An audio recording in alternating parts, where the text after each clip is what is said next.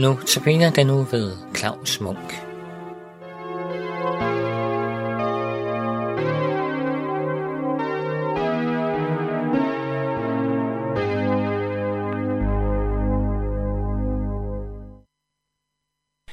I denne uges notabene-andagt ønsker jeg at komme ind på nogle af de steder i Bibelen, som har været mig til særlig hjælp i en svær tid. En tid med svær depression og et uigennemtrængeligt åndeligt mørke. I dag vil jeg komme ind på, hvordan to vers i salme 84 er blevet mig til hjælp. Det er specielt vers 6 og vers 8, som lyder sådan her. Lykkelige de mennesker, der har deres styrke i dig, altså i Gud. De, som har i sinde at drage på valgfart. De går fra kraft til kraft og får Gud at se på Sion. Vi vil jo alle gerne kunne klare os selv. Vi vil gerne være stærke.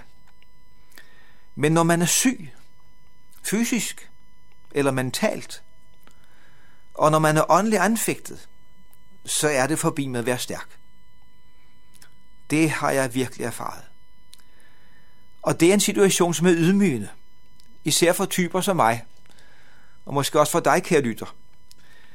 Jeg havde det sådan, at jeg i mit overmod mente, at jeg nærmest kunne gå på vandet. Men her blev altså en livstruende sygdom en øjenåbner for mig. Så jeg begyndte at se tydeligere, hvad der jo egentlig altid har været virkeligheden. Nemlig, at jeg, når det kommer til stykket, er totalt afhængig af Gud. Og det er på alle livets områder. Jeg kan ikke tage noget som helst af mig selv. Ikke engang den næste vejrtrækning eller det næste hjerteslag. I denne her afmagt, som jeg har oplevet, der er disse vers blevet mig til stor trøst og opmundring. Lykkelige de mennesker, der har deres styrke i dig. For hvad siges der med det? Jo, dermed siges, at det slet ikke er lykken at være i den position, hvor man kan, mener man kan, eller hvor man føler, man skal, klare sig i egen kraft. Nej, lykkelige de mennesker, der har deres styrke i dig, ja, altså i Gud.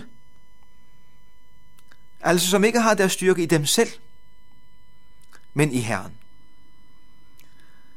Hvilket jo betyder, at man oplever sig afhængig af Herren, og ser, at man jo må få alt fra ham, stund for stund.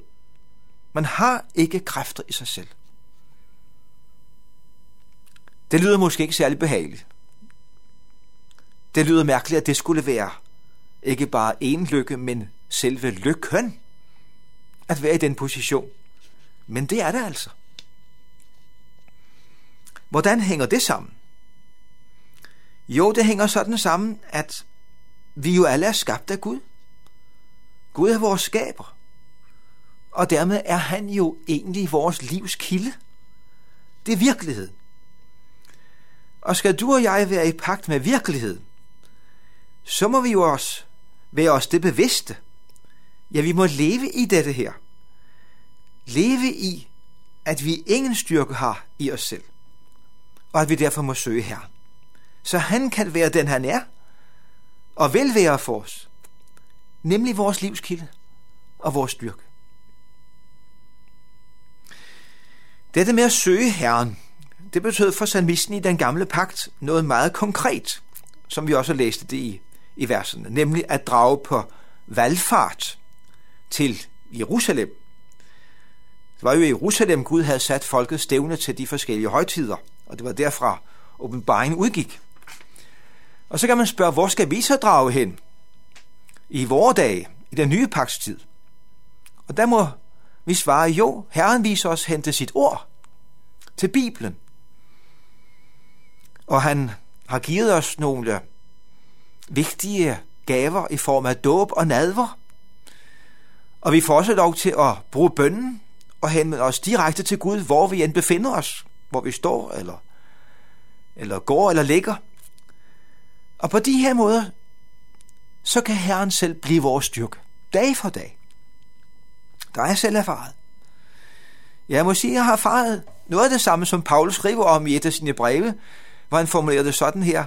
Når jeg er magtesløs, så er jeg stærk. Ja, det lyder meget selvmodsigende. Og øh, man kan undre sig over, at han kan skrive sådan. Men der er, der er mening i det. For sagen er den, at det er, når du er magtesløs, at du bliver dig særligt bevidst om, at du trænger til at søge ind til Gud. Og når du søger ind til Gud, så åbnes der op for, at han kan komme til i dit liv med sin magt. Sådan er det. Og så er det, at det kan ske det forunderlige, når vi har vores styrke i Gud, som vi også læste det i, i verset, jeg læste det begynde med. De går fra kraft til kraft. Disse magtesløse, som ikke har nogen styrke i dem selv. De går fra kraft til kraft. Og så kommer klimaks. Og får Gud at se på Sion. Ja, tænk at få Gud at se i hans herlighed på Sion, for sådan er den nemlig. Der åbenbarede han sin herlighed. Hvordan kan man få Gud at se i hans herlighed på Sion? Jeg synes faktisk, jeg kan sige, at jeg har fået lov til at opleve noget af det. Og det hænger sammen på følgende måde. Ifølge Bibelen er Sion et andet ord for Jerusalem. I snæver forstand er det tempelbjerget, hvor templet i sin tid lå, og hvor Gud ville åbenbare sig. Og i videre forstand betegner Sion hele Jerusalem. Og der omfatter det også det vigtigste sted på denne jord, ifølge Nytestamentet. Og hvad er det vigtigste sted, som ligger i Jerusalem? Jo, det er Golgata. Det er det sted, den lille høj, hvor korset stod. Det kors, hvor på Jesus, som jo var og er Gud, den anden personlige Gud, hvor han hang for 2000 år siden. Korsfæstet for dine og mine sønder.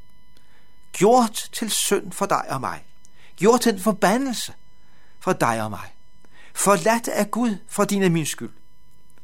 Han tog vores fortabelse på sig, for vi skulle slippe for den. Tænk at se vores Gud, Jesus, træde frem på den måde.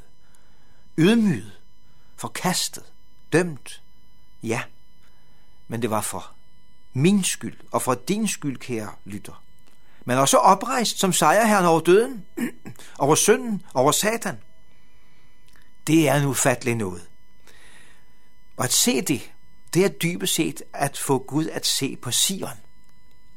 Som også en af hans apostel udtrykker det i sit evangelium. Det er jo hans evangeliet, kapitel 1. Vi så hans herlighed. En herlighed, som den enborne har den fra faderen. Fuld af noget og sandhed. Jeg ønsker også for dig, kære lytter, at du må få Gud at se på Sion. På denne måde. Der hører også du med til dem, vi læste om i denne salme. Lykkelige de mennesker, der har deres styrke i dig.